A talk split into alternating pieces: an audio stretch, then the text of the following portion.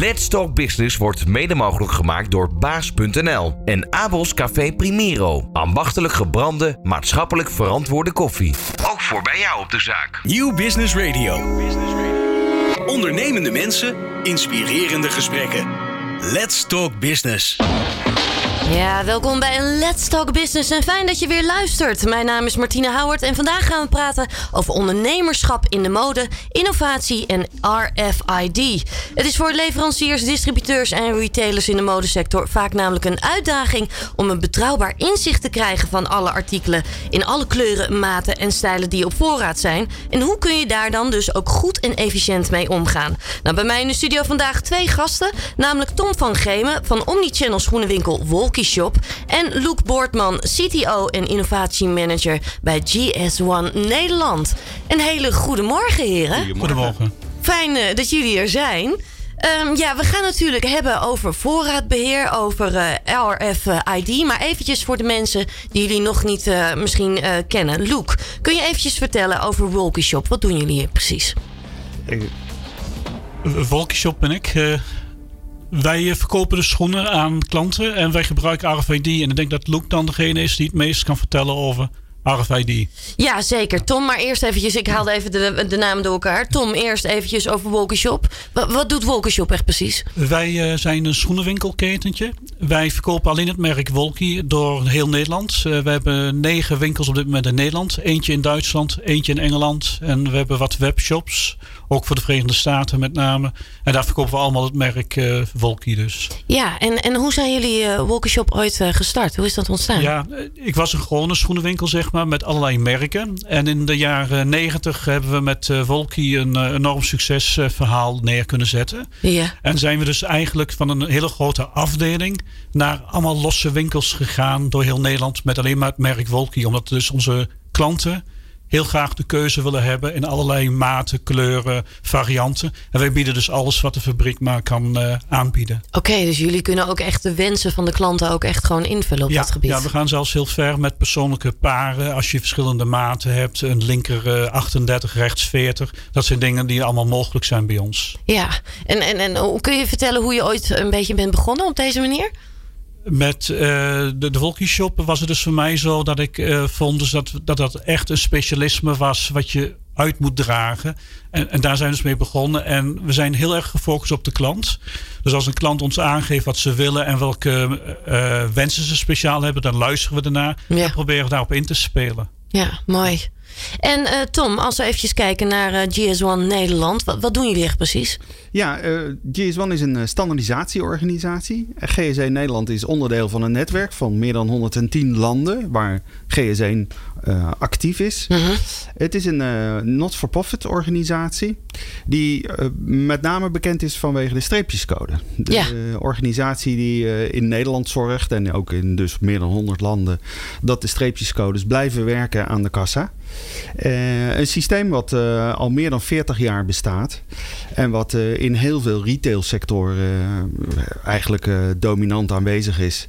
Om afrekenen aan de kassa met name veel sneller te maken. Ja. En ook steeds vaker in het Omnichannel kanaal wordt toegepast. Ja, ja en jullie helpen daar echt allerlei verschillende bedrijven ook bij. Hè? Verschillende ja. branches. Ja, ja. en sinds kort, sinds een jaar of tien ook de gezondheidszorg. Ja. de medicijnen worden steeds vaker van barcode voorzien. Om afrekenen aan de kassa niet zozeer, maar wel het zorgen dat er bij de apotheek de juiste medicatie wordt gegeven aan de juiste persoon. En ook uh, aan het bed uh, in het ziekenhuis. Dat soort processen kan je heel goed ondersteunen met een barcode ja. systeem. Ja, dus helder. Het is heel breed inderdaad. Onder andere de mode, maar ook de levensmiddelen en ook de doe-het-zelf.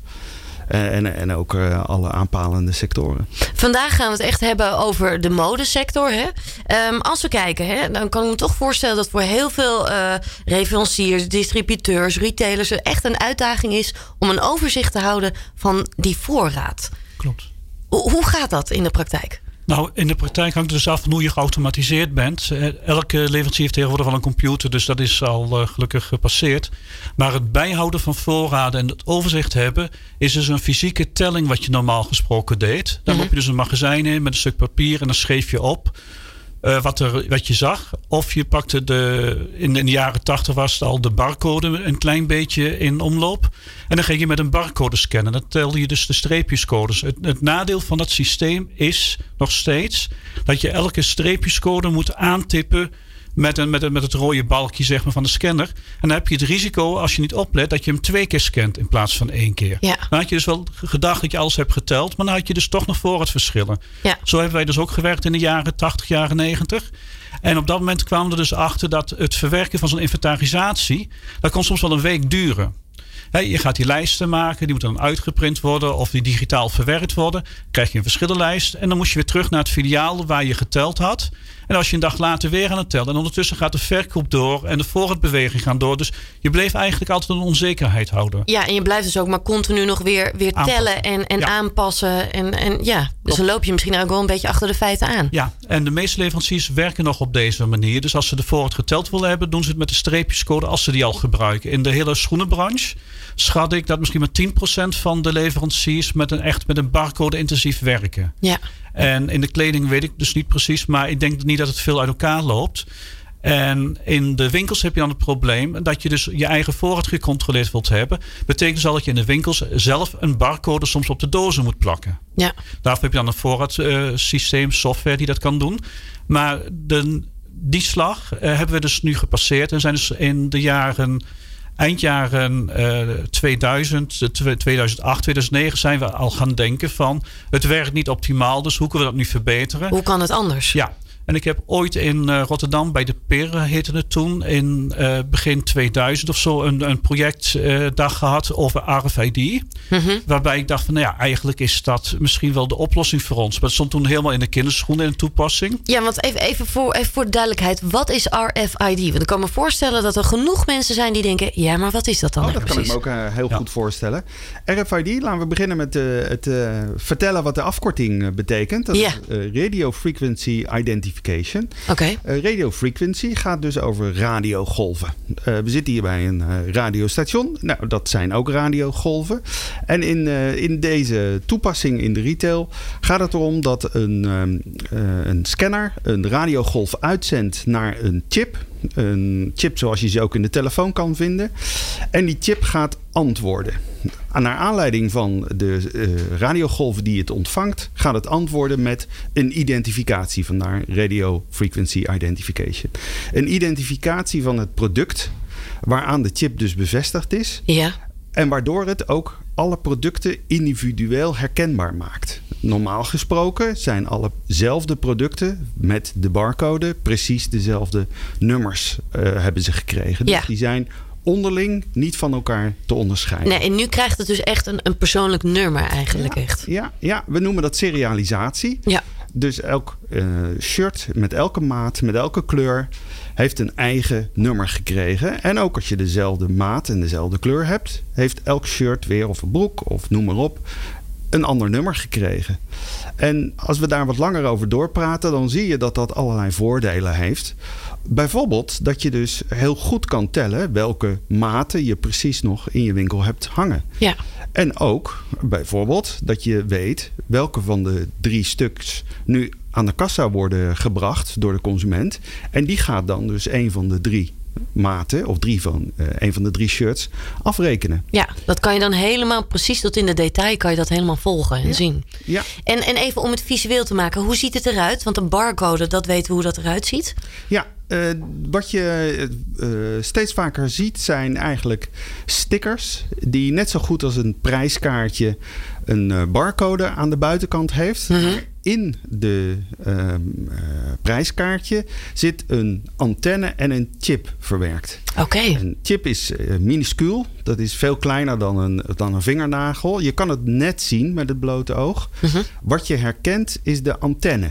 He, die radiogolven moeten opgevangen worden. Daar moet je dus een relatief grote antenne voor hebben. Ja. En groot is dan de grootte van het prijskaartje. Ja, oké. En de techniek wordt steeds beter, dus die antennes worden steeds smaller. En de mogelijkheden om informatie op de chip te bewaren, te onthouden, worden ook steeds beter. Waardoor je ook nu tegenwoordig in een waslabel, dus een, een, een label wat je in kleding in-night vanuit de productiehal zo'n chip kan verwerken. Uh, en dat zijn in grote lijnen de twee uh, verschijningsvormen van RFID. Dus of een prijskaartje waar een sticker op zit en waarin dus die techniek verwerkt zit. Of het zit meteen ingenaaid in de kleding. En dan uh, is het al bij de fabriek aangebracht. Ja, ja, en jullie zijn daar dus mee gestart, hè? Ja, we zijn in de. Nu zeven jaar geleden zijn we er eigenlijk mee gestart met een test. En ik ben dus na dat Rotterdamse project ben ik in uh, Keulen terechtgekomen. Ook bij uh, GS1. Mhm. Uh, voor mijn Duitse bedrijf om daar een, een, een, een, een case van te maken. En ik ben dan in 2013 ben ik gestart. Echt met de uitrol. Een test met NEDAP uit Groenlo. Die bij ons de voorraad eigenlijk als test heeft gepakt. En gezegd heeft wij kunnen het met RFID je hoeft uh, je niet druk te maken. Wij hebben een businessplan klaar liggen voor jou. En dat hebben we dus zo getest. En het plan was toen om met één artikelgroep uh, in twee winkels het te gaan monitoren en de voorraad te controleren. Klopt het wat wij in de computer hebben staan? Hebben we die voorraad ook werkelijk of wijkt die af? Ja. En we wisten dus dat die afweek, maar we schrokken er dus van dus dat het eigenlijk uh, op 80, 85 procent zat. En niet op het gedachte 95 procent. Dat is een groot verschil natuurlijk. Ja, absoluut. En daar hadden we ook dagelijks uh, hadden we daar de zorgen van.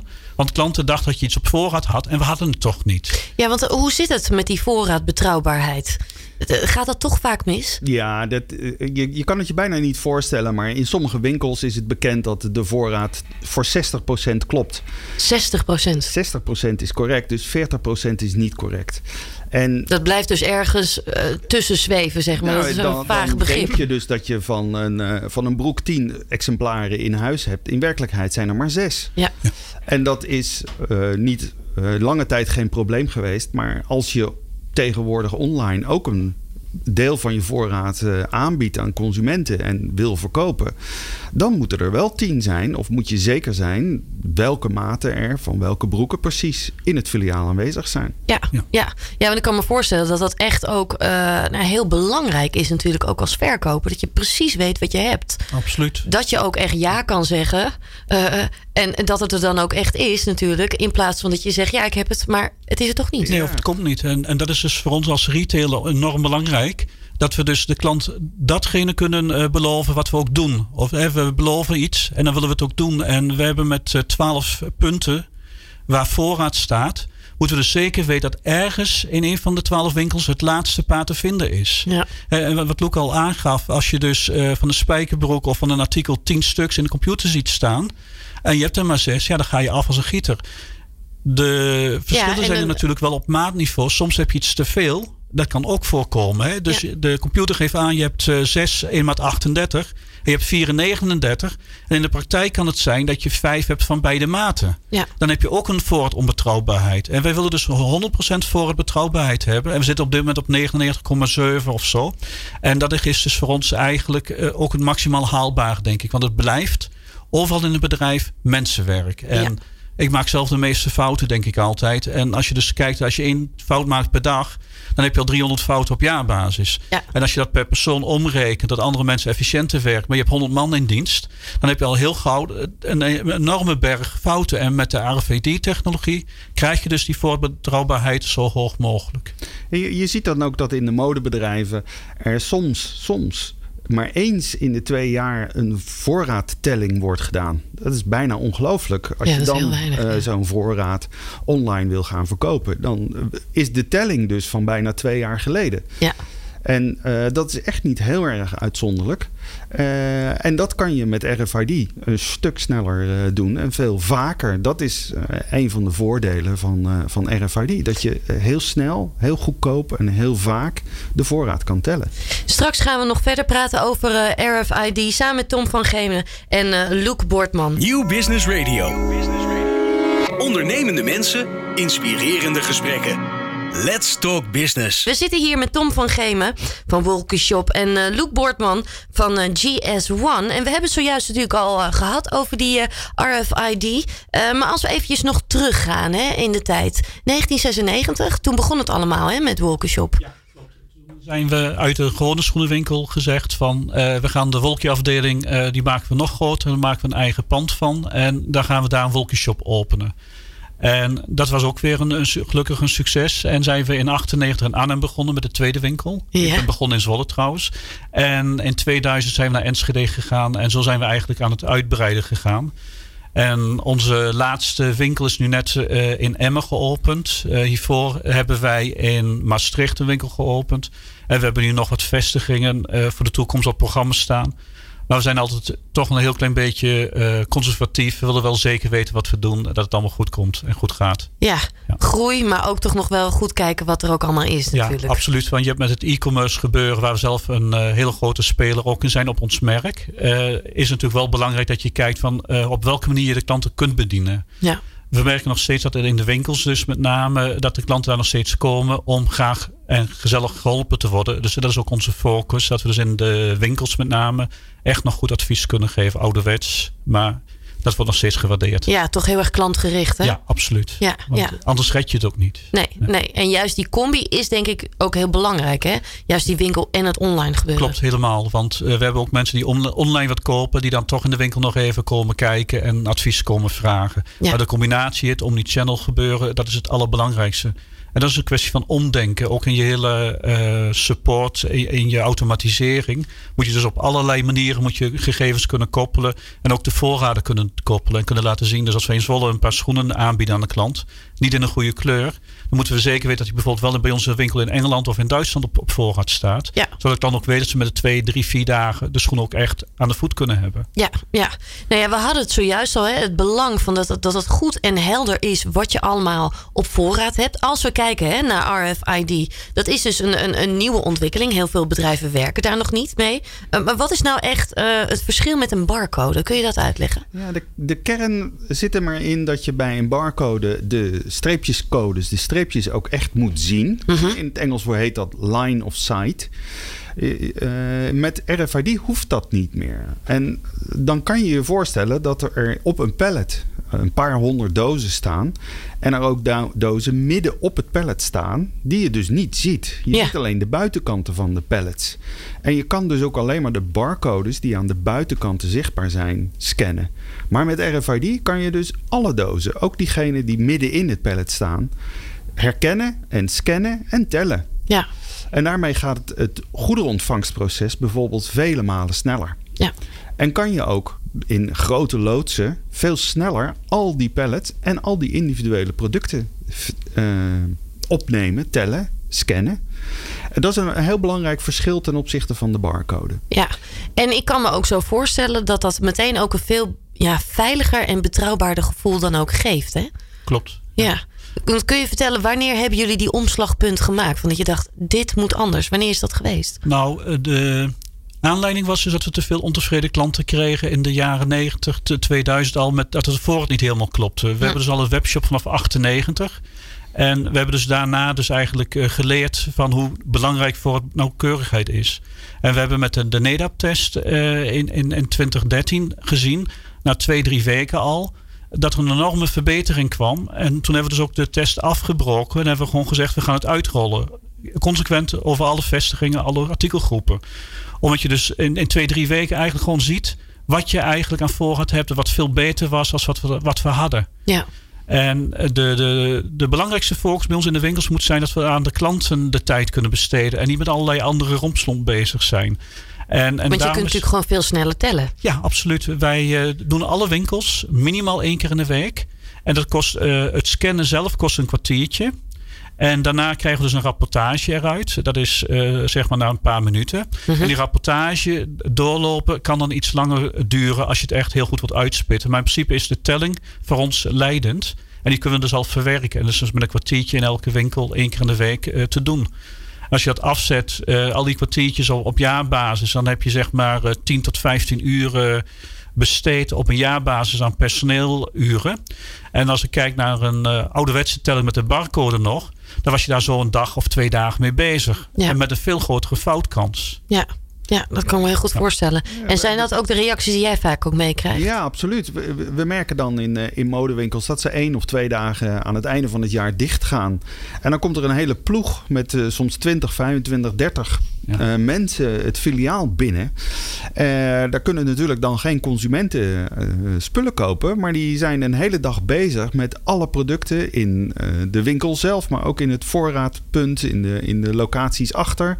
Helemaal handmatig vast te pakken, die steeds die barcode lezen, uh, in zijn totaliteit dan op lijst te zetten. En uh, aan het einde van de dag weet dan uh, de, de, de filiaalhouder hoeveel van die producten hij eigenlijk in zijn winkel heeft staan. Ja, ja. En ja, natuurlijk, die, die, die 60% die ik net noemde, is dan aan het einde van het seizoen. Kijk, als je een nieuwe collectie binnenkrijgt, weet je precies wat je binnen hebt. Ja. Maar in de loop der tijd, over een paar weken heen, komen er ook weer bijvoorbeeld producten terug. En heb je die wel goed opgenomen in je voorraad? Hè? Ja, heb je goed die in kaart Als er op zaterdagmiddag een, een consument terugkomt met, uh, met een paar schoenen of met een shirt, dan wordt dat even snel achter de kassa gehangen.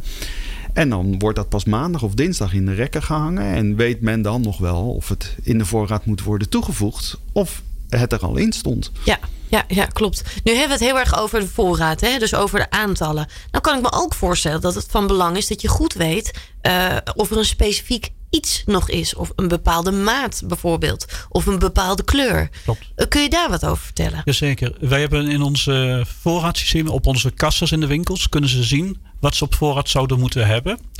Dus dat is een indicatie. Mhm. Maar op het moment dat je een paar schoenen in voorraad moet hebben. en je ziet hem dus niet staan in eerste instantie.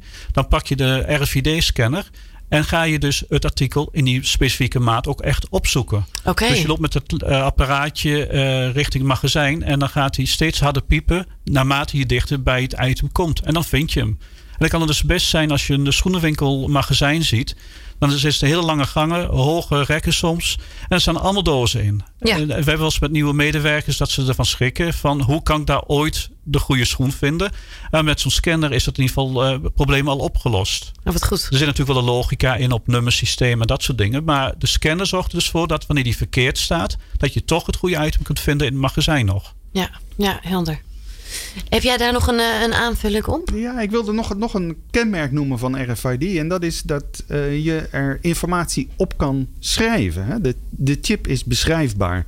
Als je dat dan weer vergelijkt met een barcode. Een barcode is stabiel. Die kan je verder niet wijzigen. Nee. Maar een chip zoals die in die uh, RFID uh, toepassingen wordt gebruikt, kan je ook informatie extra aan toevoegen. En bijvoorbeeld kan je dan doen dat een consument aan de kassa staat en dan kan je zeggen dat de shirt, het shirt wat hij in zijn hand heeft, dat dat specifieke shirt verkocht wordt. En als hij dan de winkel verlaat, dan weet je zeker dat dat shirt wat hij in zijn handen heeft, daarvoor net bij de kassa was geweest. En natuurlijk zijn er ook situaties waarin die dan net niet afgerekend is. En dan hoef je ook niet te gaan zoeken naar uh, wat voor producten er nou allemaal zijn afgerekend of niet zijn afgerekend. Nee. Je weet het Ja. precies en nauwkeurig. Het wordt eigenlijk dan ook meteen een stuk overzichtelijker wat er allemaal gebeurt dan hè? Ja, in je absoluut. onderneming. Ja, Absoluut. dat kan ik me heel goed voorstellen. Nou kan ik me ook voorstellen, je, je werkt daar al een tijdje mee hè, met dat RFID. Ja. Daar zijn er ook gewoon leermomenten geweest, of misschien ook wel inzichten dat je denkt, hé, hey, we kunnen dit anders doen. Kun je daar misschien wat over vertellen? Jazeker. Ehm we hebben geleerd dus dat die RFID-scanner... die gaat zelfs soms door, door muren heen. Oké. Dus als je een zoldertje hebt of een keldertje hebt... waar je ook spullen hebt staan... dan heb je soms niet in de gaten. Maar je scant dus een bepaald bereik... waarvan je niet echt eh, soms weet van wat hij wel en wat hij niet meepakt. Ja, En dat was voor ons een leermoment. Een ander leermoment was dat wij onze processen, eh, onze afspraken, hoe moet je iets vastleggen in een kassa, hoe moet je iets op papier nog vastleggen, eh, dat we daarna hebben gekeken en gezien hebben dat wij heel veel fouten hadden gemaakt in het begin met gereserveerde paren. Dus je kunt je voorstellen, je bent aan het shoppen. eh, je komt bij ons binnen. Ach, zet hem even weg. Ik kom hem straks wel ophalen. En dan kijk ik nog even verder. Dat paar wordt dan achter de toonbank gezet. ja. Maar blijft in de voorraad staan. En als dat het laatste paar is, is een andere winkel in staat om die, dat paar nog een keer te verkopen. Of online nog een keer te verkopen. Ja. Dus we hebben nu eh, in, de, in de afgelopen jaren daarin eh, slagen gemaakt door in ons automatiseringssysteem echt weer ouderwets een soort opzichtfunctie kunnen zeggen. Dat we paren die dus niet verkocht zijn nog, maar die al gereserveerd staan, uit de voorraad te halen voor andere winkels en ook op de online shop niet meer worden getoond. Zodat je zeker weet dat wat je wel toont, dat je die wel kunt verkopen. Ja, ja, ja dat zijn natuurlijk goede leermomenten. Dat kan ik me heel goed voorstellen. Hoe zit dat voor GS1? Want eh, ik kan me zo voorstellen dat jullie daar natuurlijk ook tegenaan lopen. Ja, absoluut. absoluut. Uh, wij hebben dan uh, een, een expertgroep opgezet mhm. met zo'n 23 bedrijven die RFID al hebben toegepast. En die wij twee, drie keer per jaar uitnodigen om met elkaar de ervaringen te delen die zij hebben opgedaan. Ja. En, en bijvoorbeeld uit die vergaderingen kwam naar voren dat je als je RFID gaat toepassen ook je accountant mee moet nemen in deze ontwikkelingen. Wat heeft de accountant hiermee te maken? Nou, als je dus regelmatig gaat tellen, krijg je ook regelmatig voorraadverschillen. En het is natuurlijk best een beslissing om elke keer weer, stel nou dat je meerdere keren per dag je voorraad opneemt, om dan ook meerdere keren per dag je voorraad aan te passen. Ja. Dat kan financiële gevolgen hebben. En een accountant moet best snappen waar men mee bezig is. Uh, in de praktijk gebeurt het zo dat je uh, pas eens in de zoveel tijd, één keer per kwartaal, je, uh, je financiële voorraad gaat bijwerken naar aanleiding van de tellingen. Ja. En in de tussentijd de verschillen wel probeert op te lossen, maar niet in je boekhouding verwerkt. Nee. Maar dat is zo'n voorbeeld van een ervaring die we hebben opgedaan, omdat we dus met praktijkerverhalen in een zaal zijn gaan zitten en met elkaar zijn gaan praten over waar uh, obstakels zitten, maar waar ook waar succesverhalen te vertellen zijn. Ja, want ik kan me juist ook voorstellen dat het ook weer een voordeel heeft, omdat je juist dan tussentijds heel goed kan bijsturen. Ja, absoluut. Ja. Absoluut. En uh, met name dat bijsturen is natuurlijk heel belangrijk. Een uh, ander goed voorbeeld is dat uh, het bekend is dat bedrijfsleiders overtuigd zijn dat zij goed weten welke producten er in hun winkel liggen. En in de mode is het belangrijk dat er een volledige maatboog is. Dus dat van alle maten er een product aanwezig is. Ja. Uh, het blijkt dan toch dat bedrijfsleiders dat eigenlijk op het zicht doen. Zij kijken over een rek heen en zeggen: Oh, dat ziet er goed gevuld uit. Het is wel goed zo. De maatboog is volledig. In de praktijk zal je dan net zien dat er een aantal maten ontbreken. Ja. En consumenten vinden het heel vervelend, ook al is het niet hun maat, maar dat er een onvolledige maatboog in het rek hangt. Ja. Ze willen heel graag alle keuzemogelijkheden kunnen gebruiken. En ook even zo'n kleiner shirtje kunnen passen. Ja, ik kan me ook voorstellen dat eh, als het er net niet is, dat, je, dat de kans dat je de klant kwijtraakt dan ook heel groot is. Ze gaan gewoon dan door naar een andere winkel. Klopt. Ja, dus het is een van, van de beste voorbeelden van de manier om je omzet te verhogen, is dan ook dat zo'n bedrijfsleider dus goed geïnformeerd wordt over de ontbrekende maten.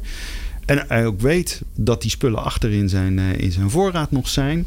En dan uh, simpel een opdracht kan geven. Haal van uh, die en die shirts, die en die dessins, die en die maten uit de magazijnvoorraad. Ja. En breng die terug het winkel in. Ja, mooi. We gaan straks nog weer verder praten. New Business Radio. New Business Radio. Ondernemende mensen, inspirerende gesprekken. Let's Talk Business. We zitten hier uh, nog steeds uh, natuurlijk te praten over RFID. En als we nu eventjes verder kijken, we hebben natuurlijk zojuist al eigenlijk heel veel besproken. maar wat is eigenlijk het voordeel voor de leveranciers? Kun je daar wat over vertellen? Nou, de, natuurlijk is het voordeel van een retailer ook het voordeel van een leverancier. Als een retailer meer verkoopt, dan is dat ook meer producten van de fabrikant die worden verkocht. En uh, waar we net aangaven dat een uh, consument in de winkel een volledige maatboog wil zien, is, heeft dat natuurlijk ook positieve voordelen voor een leverancier. Als een consument het product wat hij zoekt niet kan vinden, dan gaat hij misschien of helemaal niks kopen. Hè. Dat zie je dan bijvoorbeeld tot 35% van, van de consumenten die verlaten dan weer de winkel. Die gaan iets anders kopen. of kopen gewoon helemaal niets. Ja. En van de overgebleven 65% kopen niet alle, product, alle consumenten dan weer van jou als fabrikant een uh, alternatief product. Die gaan naar een andere fabrikant. Ja. Nou, zo zie je dat uh, uiteindelijk maar uh, 17% van, van de producten verkocht worden. En dat percentage wil je zo hoog mogelijk krijgen natuurlijk. Ja. Dat is een, een heel duidelijk voordeel voor ook fabrikanten. En als tweede wil ik daar zeker bij noemen dat het ook voor fabrikanten heel belangrijk is dat hij zeker weet dat de producten die hij belooft te gaan leveren ook daadwerkelijk in de verzendingen zitten. Dus dat de doos gevuld is met de hoeveelheid sokken en broeken en onderbroeken die hij heeft beloofd te gaan afleveren. Ja. Dat ze ook echt goed afgeleverd zijn op het juiste adres. dat ze op het goede adres zijn afgeleverd. Dat ze betrouwbaar zijn. En dat dat niet één keer gebeurt, maar dat het elke week goed klopt. Ja. Of elke dag goed klopt. En dat kan je dus ook daar, met dat hele systeem, met dat RFID, kan je dat ook veel inzichtelijker ook weer maken. Hè? want vlak voordat je die doos op, aan de, aan de uh, transporteur meegeeft, scan je nog eventjes of de dingen waarvan je verwacht dat ze erin zitten, ook daadwerkelijk in zitten. En weer, je hoeft ze dus niet die doos weer open te trekken om de barcodes te lezen. Je kan in één keer alle producten in die doos scannen. Ja. Op die manier weet je 100% zeker wat je hebt afgeleverd. En kan je bijvoorbeeld ook veel minder claims krijgen van uh, retailers die zeggen dat ze iets hebben ontvangen en het in werkelijkheid niet hebben ontvangen. Ja. Dus ook het, afhandeling van claims wordt weer uh, veel minder en is echt wel weer een voordeel voor fabrikanten. Veel voordelen dus ook voor de fabrikanten en de leveranciers. Als we eventjes kijken naar de consument, uh, Tom. Want voor jullie natuurlijk, voor Wolkenshop, uh, is het heel erg fijn om daarmee te werken. Voor jullie zitten er veel voordelen in. Wat is het voordeel voor de consument? Dat wij uh, op de juiste momenten de juiste voorraad uh, proberen aan te bieden. Dat is eigenlijk de kern. En wij merken dus, uh, een van de procesfouten die we er ook in hebben gevonden, was dat wij bij nabestellingen, dat we bijvoorbeeld 100 paar nabestellen, verdeeld over wat winkels, dat we eigenlijk die nabestelling al verkocht hadden, of toegezegd hadden, voordat we zo echt hebben ontvangen. Doordat we nu het proces hebben aangepast, kunnen we dus ook precies zien of de nabestellingen die nog gaan binnenkomen, of die nog beschikbaar zijn of niet voor onze klanten. En in, in een traditioneel voorraadadministratiesysteem zijn al die functionaliteiten eigenlijk niet aanwezig. Nee. Dus de klant krijgt bij ons dus nu veel meer aandacht. En we krijgen ook een, een eigenlijk een reputatie dat we bijna alles wat wij uh, beloven ook echt kunnen leveren. Ja, en je, en je krijgt natuurlijk ook voor jullie dan zelf, als we eventjes teruggaan naar jullie zelf als, ja. als winkelketen, is natuurlijk ook gewoon veel inzichtelijker wat er gewoon natuurlijk ook echt is. Er verdwijnt niks achter een paal of nee. in een hoekje of iets. Nee, dat klopt. En uh, zelfs nog een extreem voorbeeld. Uh, we hebben ooit gehad in de winkel in Roermond van ons. Daar was er een uh, scan geweest en dan kwam er een heel oud artikelnummer kwam in één keer in de voorraad te staan.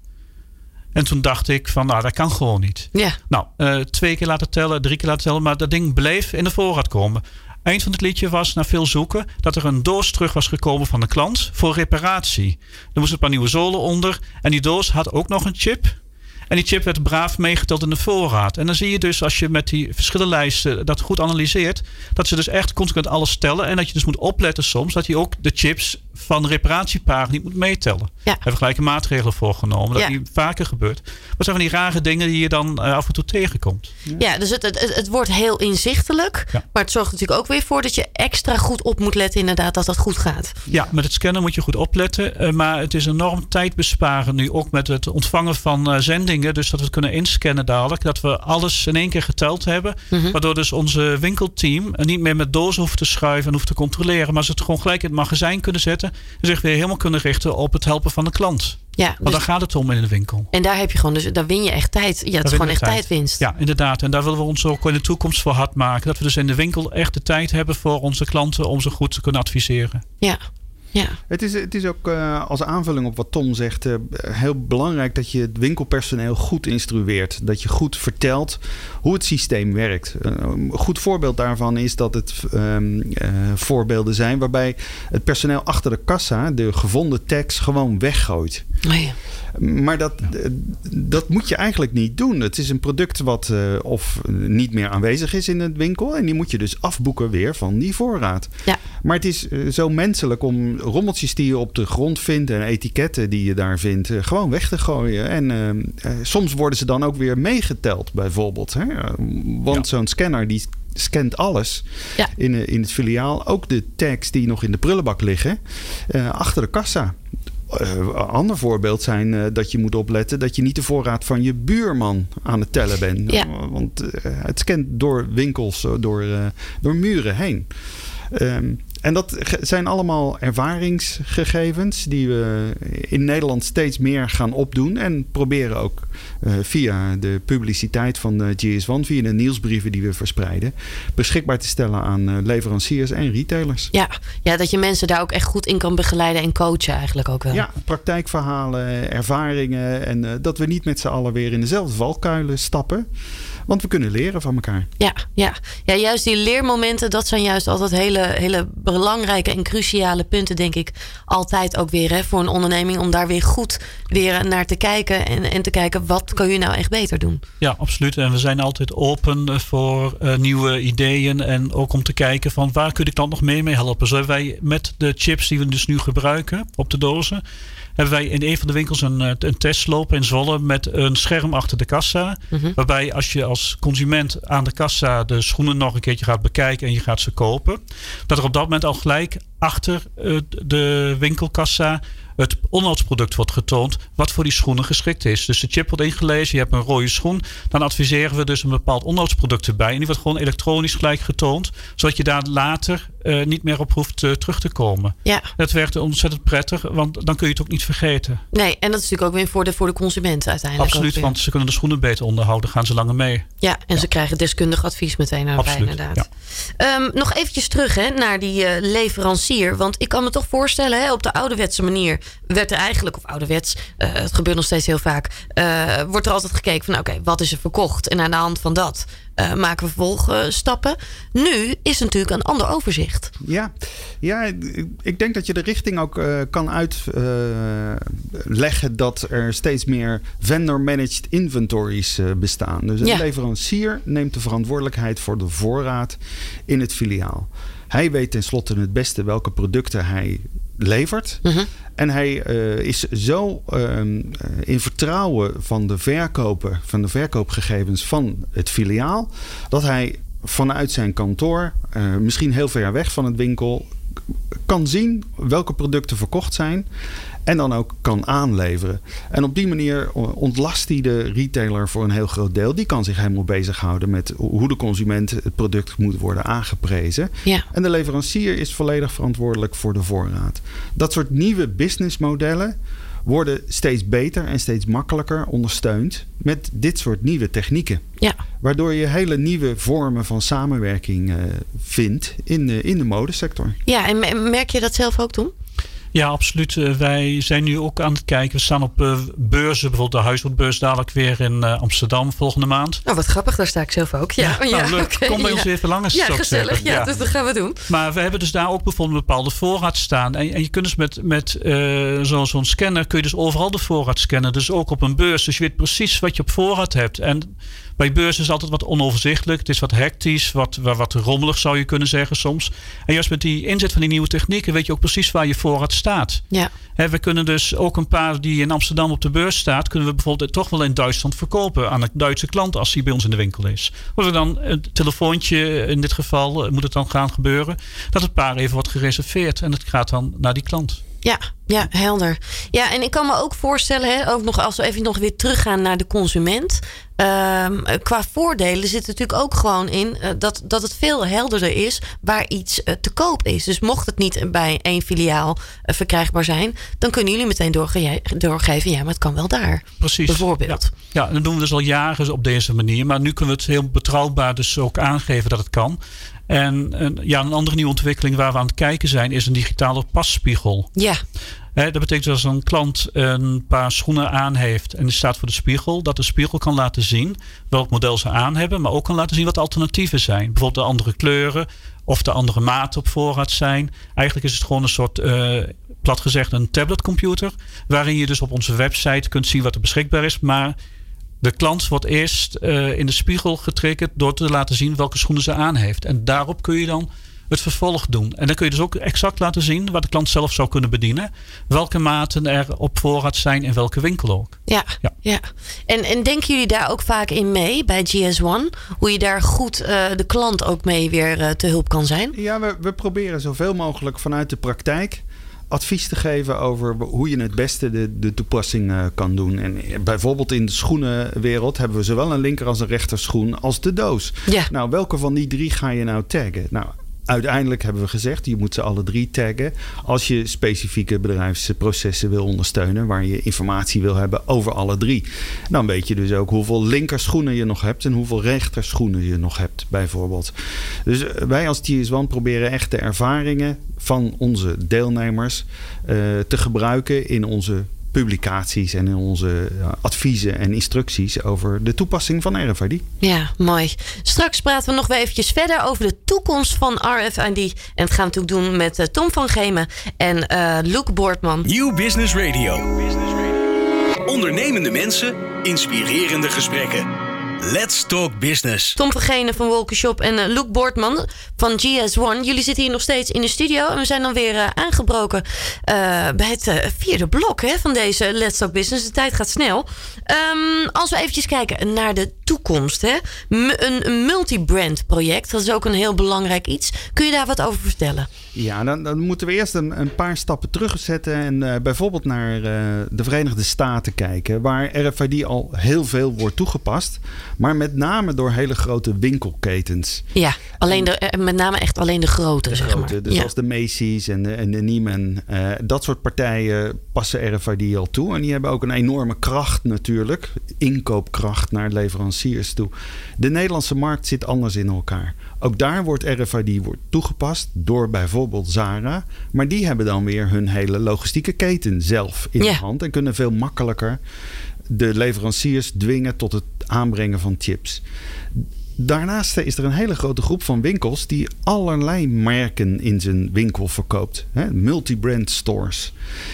En die moeten het maar voor elkaar krijgen om al die verschillende leveranciers te informeren en te overtuigen dat zij allemaal van die RFID-chippies in hun producten moeten gaan verwerken. Ja. Nou, dat is het multi-brand store initiatief van GS van Nederland. Ja. We zijn met een aantal partijen nu begonnen om uh, vanuit de winkel aan te geven dat zij verwachten dat uh, vanaf het seizoen uh, 2019, dus dit seizoen al, zoveel mogelijk producten moeten worden voorzien van RFID labels. En dan moet je bijvoorbeeld uh, bedenken dat een, uh, een, Van Tilburg, dat is een hele grote winkel, meer dan 800 merken in zijn winkels uh, heeft. Dus Ja. die heeft 800 gesprekken te voeren en 800 verkopers te overtuigen van, van RFID. Nou, daar speelt GS1 dus een hele belangrijke rol in om dat te bundelen en aan te geven en ook duidelijk te maken dat dus veel meer multibrand stores RFID willen gaan gebruiken. En weer dat ook de leverancier er zelf voordeel aan zou kunnen hebben als hij dat in zijn totale keten invoert. Want dan weet hij veel beter waar de voorraden zitten en waar producten onderweg zijn. Wat, wat weerhoudt mensen nu nog om die stap te maken? Er zijn een aantal uh, mythes rond uh, RFID. Bijvoorbeeld dat het heel kostbaar is. Uh, RFID bestaat al 15, 20 jaar en in het begin kostte zo'n tag toch al snel een dollar. Nou, als je product, als je sokken verkoopt, dan, dan zijn die veel goedkoper dan Ja. een dollar. En dan Ja. is het veel te duur.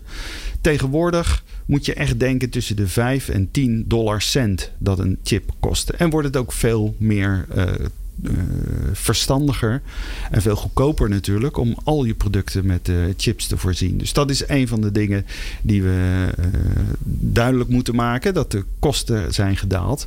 Maar een ander punt is natuurlijk ook dat je best wel wat overhoop haalt. Hè? Wat we net al vertelden over het winkelpersoneel wat je moet gaan instrueren.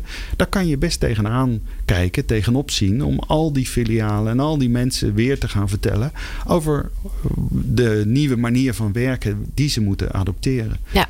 En er zijn al zoveel dingen die eh, retailorganisaties en ook leveranciers moeten oppakken. Allerlei maatschappelijk verantwoorde ondernemingsonderwerpen. Allemaal heel belangrijk. En daar zou dit dan ook nog eens een keer bij moeten komen. Ja. Ja, dus dat, dat maakt het moeilijker voor mensen, of misschien het weerhoudt ze om dan die stap te maken. Ja. Maar het is wel, eh, in ieder geval, de plannen zijn er om dat wel met z'n allen meer te gaan doen. Ja, ja, Om krachten te bundelen daarin. Als, als we Amerika als voorbeeld kunnen nemen en ook Engeland, dan zie je dat er eh, wat tijd voor nodig is. Maar daar op een gegeven moment worden er zoveel producten voorzien van RFID dat het gewoon goedkoper is om al je producten in één keer te voorzien Ja. van een eh, RFID-chip. En niet halverwege in de logistieke keten, ergens bij een logistieke dienstverlener, stickertjes te gaan plakken. Maar gewoon de fabrikant in Bangladesh, in Turkije, opdracht te geven om die inle- in eh naailabels al te voorzien van RFID-chips. Ja, mooi. Tom, hoe, zit dat voor jullie? Wat zijn jullie plannen voor de toekomst? Nou, onze plannen voor de toekomst zijn eigenlijk dat wij met de RVD meer eh, toe gaan passen op onze bedrijfsprocessen. We hebben geleerd eh, dat wij met RFID veel meer dingen kunnen doen dan we dachten. En wij zijn dus nu in staat om bijvoorbeeld de oplossing van de voorraadvergelijking van wat is er aanwezig, eh, wat is er gescand. En ook de goederenontvangst, de digitale spiegel, de antenne voor de, achter de kassa. Dat kunnen we allemaal zelf programmeren en kunnen we helemaal zelf met een klein IT-bedrijf eh, weliswaar bij, kunnen we het helemaal zelf bedienen. We zijn dus niet meer afhankelijk van de grote partijen. We hebben heel veel eh, problemen gehad met een softwareleverancier. Ja. Die zegt van, je bent de eerste. Dit kan ik niet, dat kan ik niet. En je bent nummer vijf eh, op de wachtlijst. Dus over twee jaar ben je aan de beurt voor een bepaalde programmeringstoepassing om het te integreren. En ik heb dus geleerd dat de RFID eigenlijk enorm simpel is. Ja. Je hebt even ervaring nodig. Het kost je echt een half jaar om er even goed eh, alles van te zien. Maar daarna kun je met je eigen logica en je eigen gezond verstand... kun je een hele hoop dingen realiseren in je bedrijfsprocessen... waar je nu eigenlijk helemaal niet aan denkt. Nee. Dus wij, wij gaan daarmee verder. En eh, wij denken verder dat wij dus met deze RFID-oplossing... dat we misschien nog aan, aan diefstalpreventie iets kunnen doen. Maar dat is eigenlijk het laagste prioriteit voor ons. Want er gebeurt zelden in de winkel. Maar ook dat gaan we nu uh, proberen te kijken of we dat kunnen vastleggen. Dus alleen een antenne, meer plaatsen en we hebben de informatie beschikbaar. Dus Ja. alles kan.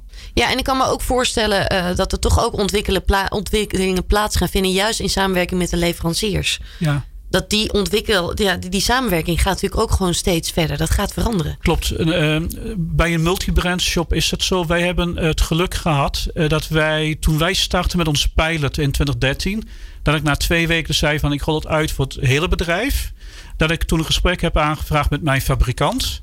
En die is na vijf minuten al overtuigd geweest van de cijfers die ik liet zien. En die heeft gewoon gezegd van ik ga alles, al mijn producten van Wolky worden allemaal al met een RFID-tag uitgerust. En dat is al vier, vijf jaar zo. Ja. Dus eh, wij hebben het probleem niet. Ik spreek met collega's die meerdere merken hebben. Die hebben wel dat probleem. Ja. En daarvoor is nog wel een oplossing beschikbaar door zelf de labels erop aan te brengen.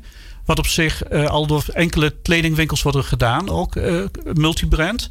En dat werkt wel, maar het is een extra handeling. En het mooiste is gewoon dat de fabrikant aan de bron alle EPC's, dus alle chips zelf al aanbrengt. Ja, dus het krachten bundelen, dat zou eigenlijk een, een mooie zijn hè, voor de toekomst. Ja, dat, dat- eh, ik denk dat dat een, eh, een key fact, succesfactor wordt eh, voor RFID. Eh, en, en we hebben daar ervaring mee, want dat- dat is eigenlijk de manier waarop we veel van onze innovaties vanuit GS1 eh, in de markt gelanceerd hebben.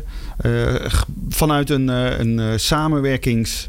eh, doelstelling en ambitie zorgen dat een volledige keten er voordeel aan heeft. Ja, En niet alleen partijen aan het einde van de keten. ja. Want die zelfstandige retail, eh, met name, do- doen even een pleidooi voor het MKB of de zelfstandige retailer, die moeten dus kunnen samenwerken met leveranciers. En daarvoor heb je krachtige organisaties nodig. Hè? Dus in retail, maar ook hier eh, GS1, met de know-how en expertise die ze dus hebben op RFID-gebied. Dat kunnen de drijvers zijn om het eh, branche nog een beetje gezond te houden. Ja, helder. Ja, die samenwerking is dus heel erg belangrijk voor de toekomst. En als ik het zo hoor, dan, eh, dan gaat dat uiteindelijk ook allemaal echt goed komen. Ik wil jullie heel erg bedanken voor jullie heldere verhaal. Tom van Gemen van Wolkenshop en Luc Boortman van GS1 Nederland. Heel erg bedankt voor jullie komst. Dank jullie wel. Graag gedaan. Nieuw Business Radio. Ondernemende mensen, inspirerende gesprekken. Let's talk business.